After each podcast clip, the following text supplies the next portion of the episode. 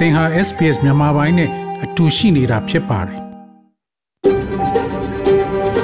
SBS, a world of difference. You're with SBS Burmese on mobile, online, and on radio. mobile online နဲ့ radio ပေါ်မှာသင်ဟာ SPS မြန်မာပိုင်းနဲ့အတူရှိနေတာဖြစ်ပါတယ်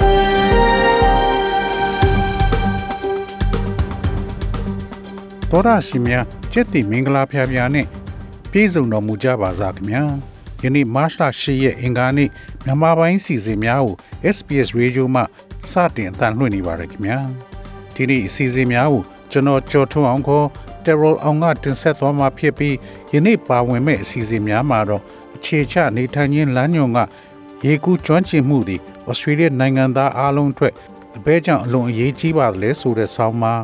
Brisbane မြို့မှာနေထိုင်နေတဲ့မအေးအေးက Logan အရက်မှာရေကြီးမှုတွေအကြောင်းကိုပြောပြထားတဲ့အခန်းကဏ္ဍနဲ့အခြေချနေထိုင်ခြင်းလမ်းညွန်ကယာယီဗီဇာဖြင့်နေထိုင်နေသောအမျိုးသမီးတချို့သည်အိမ်တွင်အကြမ်းဖက်မှုနဲ့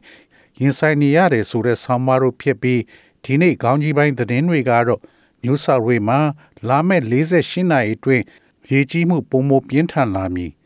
ရိုဟင်ဂျာတရားကျော်အင်ဒိုနီးရှားကိုဆက်လီနဲ့ရောက်ရှိလာယူကရိန်းစစ်ပွဲတရုတ်နိုင်ငံအတွက်အဓိကစိန်ခေါ်မှုဖြစ်လာ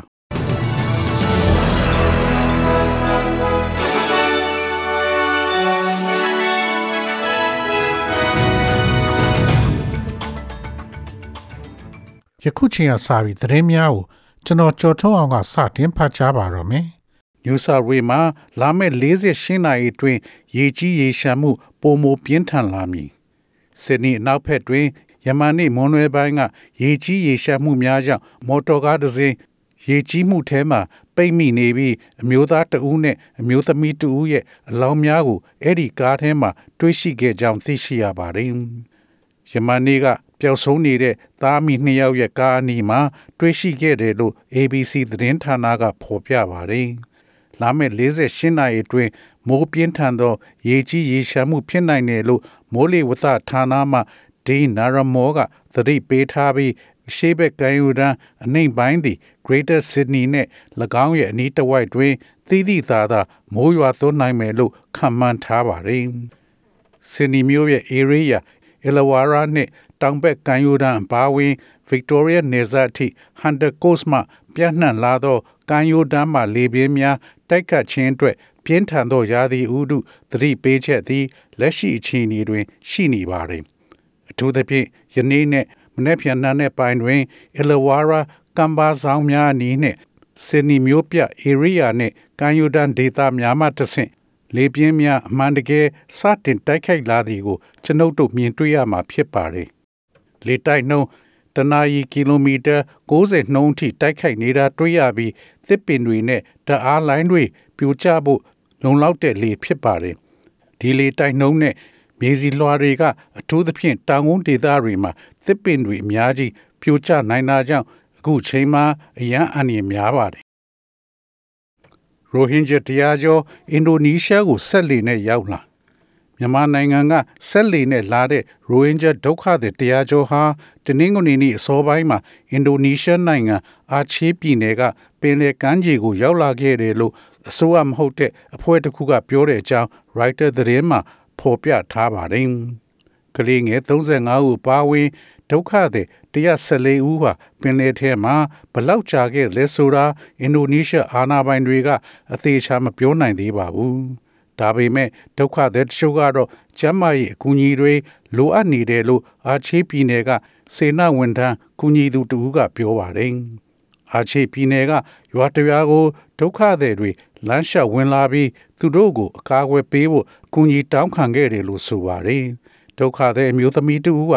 လမ်းမလျှောက်နိုင်ဘူးလို့လည်းရွာသားတဦးကပြောပါတယ်။ဒုက္ခသည်တွေကို အာဏာပိုင်တွေစီလွှဲလိုက်မယ်လို့လည်းဆိုပါတယ်။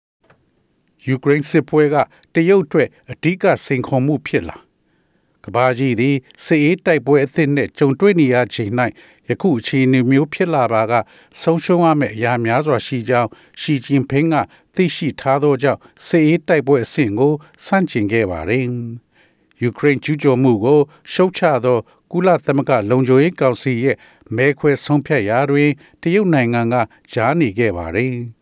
ရုရှားအတိုင်းကန့်ကွက်မဲပေးလိမ့်မယ်လို့ကျွမ်းကျင်သူတချို့ကမျှော်လင့်ခဲ့ကြတော့လေတရုတ်ကဝင်ရောက်ဆွတ်ဖက်ခြင်းမပြုသည့်လက္ခဏာတရက်ကိုပြသခဲ့ပါတယ်။မာရှာတရက်နေ့ကယူကရိန်းနိုင်ငံသားဝင်ကြီးဒီမီထရိုကူလီဘာနဲ့တရုတ်နိုင်ငံသားဝင်ကြီးဝမ်ယီတို့ဖုန်းဖြင့်ဆက်သွယ်ပြောဆိုခဲ့ရမှာဝမ်ယီကပဋိပက္ခဖြစ်ပွားရခြင်းပေါ်ဝန်내ကြောင်းနဲ့အယက်သားများထိခိုက်မှုအပေါ်အလွန်စိုးရိမ်မိကြောင်းပြောကြားခဲ့ပါတယ်။ ထို့အပြင်ဝမ်ယီကယူကရိန်းနဲ့ရုရှားကြားစစ်ပွဲတွင်ဂျားဝင်ဖြန့်ပြေရန်စန္ဒရှိကြောင်းအချက်ပြခဲ့ပါတယ်။တရုတ်သည်ရုရှားကိုထောက်ခံရင်ကြံကပနိုင်ငံများနဲ့ဆက်သွယ်မှုများလည်းမထိခိုက်စေရန်ဟန်ကျဲညီအောင်ကြိုးစားနေကြောင်းအချက်ပြသနေတာဖြစ်ပါတယ်။တရုတ်ဆိုရသည်ရုရှားကျူးကျော်မှုကိုပွင့်ပွင့်လင်းလင်းထောက်ခံမိဆိုပါက ဖြစ်ပေါ်လာမဲ့အကျိုးဆက်များကိုကောင်းစွာသဘောပေါက်ထားပါတယ်။ ကမ္ဘာအမျိုးသမီးများနေ့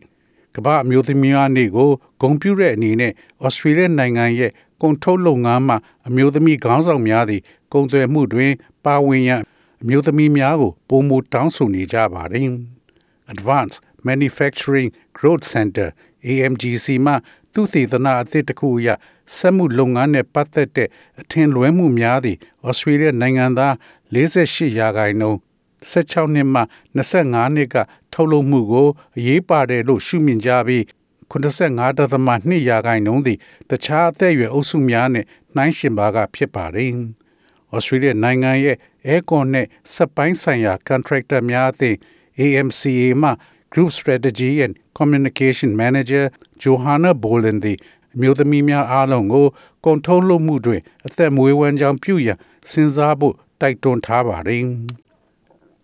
ကမ်ပယ်လက်မျိုးနီတိုက်ပွဲစစ်ကောင်စီတပ်ဗိုလ်ကြီးတူပါဝင်6ဦးသေဆုံးဟုဒေသကာဝေးတပ်ကပြောချင်းပြည်နယ်ကမ်ပယ်လက်မျိုးနီမတ်လ9ရက်နေ့ကဖြစ်ပွားသောတိုက်ပွဲ၌စစ်ကောင်စီတပ်ဗိုလ်ကြီးတဦးပါဝင်6ဦးသေဆုံးကြောင်းချင်းကာဝေးတပ်ဖွဲ့ကမ်ပယ်လက် CDF ကမ်ပက်လက်တာဝန်ရှိသူများကမစ္စမကိုပြောဆိုပါတယ်။ မကွေးတိုင်းဘက်မှကမ်ပက်လက်မြို့သို့ခြိတက်လာသောစစ်ကောင်စီတပ်မှ69အဖွဲ့ကိုကမ်ပက်လက်မြို့နှင့်9မိုင်ခန့်ကွာဝေးသောဆောက်လုပ်ဆဲလေရင်ကွင်းရှိသည့်နေရာ၌မတ်လ9ရက်နေ့နနက်9နာရီနှင့်9နာရီတို့တွင်ဒေသကာကွယ်ရေးတပ်များကနှစ်ကြိမ်တိုက်ခိုက်ခဲ့ခြင်းဖြစ်ပါတယ်။စစ်ကောင်စီတပ်သားအလောင်းတွေတော့လမ်းမှာပဲမြုပ်ထားခဲ့ကြတယ်ဗိုလ်ချုပ်ကြီးအလောင်းကိုတော့သေသွားကြတယ်လို့ CDF ကမ်ပက်လက်တာဝန်ရှိသူကပြောဆိုပါတယ်။စစ်ကောင်စီတပ်များသည့်မကွေးတိုင်းဘက်မှစစ်ကြောင်း၃ကြောင်းဖြင့်ကမ်ပက်လက်မြို့သို့ခြိတက်လာခြင်းဖြစ်တယ်လို့၎င်းကပြောပါတယ်။ SBS SBS SBS SBS SBS This is SBS Radio. ဝေလန်နိုမှာတော့ Australian dollar ကိုမြန်မာကျပ်ငွေ1300ကျပ်ရရှိပြီး American dollar ကိုမြန်မာကျပ်ငွေ 1985ကျပ်ရရှိပါတယ်။ Australian dollar ဟာ American 83စက်နဲ့ညီမျှပါတယ်။မနေ့ဖြန် Australia တိုက်မှာရှိတဲ့မြို့ကြီးများရဲ့မိုးလေဝသခန့်မှန်းချက်ကတော့ Sydney မြို့မှာအပူချိန်23 degree centigrade ရှိမှဖြစ်ပြီးမိုးရွာသွန်းမှဖြစ်ပါတယ်။ Melbourne မြို့မှာအပူချိန်22 degree centigrade ရှိမှဖြစ်ပြီးမိုးတိမ်သားများရှိမှဖြစ်ပါတယ်။ Brisbane မြို့မှာ အပူချိန်34 degree centigrade ရှိမှဖြစ်ပြီးမိုးရွာသွန်းနိုင်ပါတယ်။ Perth မြို့မှာအပူချိန်35 degree centigrade ရှိမှဖြစ်ပြီးနေသားမှဖြစ်ပါတယ်။ Adelaide မြို့မှာအပူချိန်24 degree centigrade ရှိမှဖြစ်ပြီးမိုးတိမ်သားများရှိမှဖြစ်ပါတယ်။ Hobart မြို့မှာအပူချိန်18 degree centigrade ရှိမှဖြစ်ပြီးမိုးတိမ်သားများရှိမှဖြစ်ပါတယ်။ Canberra မြို့မှာအပူချိန်21 degree centigrade ရှိမှဖြစ်ပြီးမိုးအနည်းငယ်ရွာသွန်းမှဖြစ်ပါတယ်။ ဒါဝင်မြို့မှာအပူချိန်33 degree centigrade ရှိမှဖြစ်ပြီးမိုးရွာသွန်းနိုင်ပါတယ်။ဤတွင်သတင်းများကိုကြီးညာလို့ပြီးပါပြီခင်ဗျာ။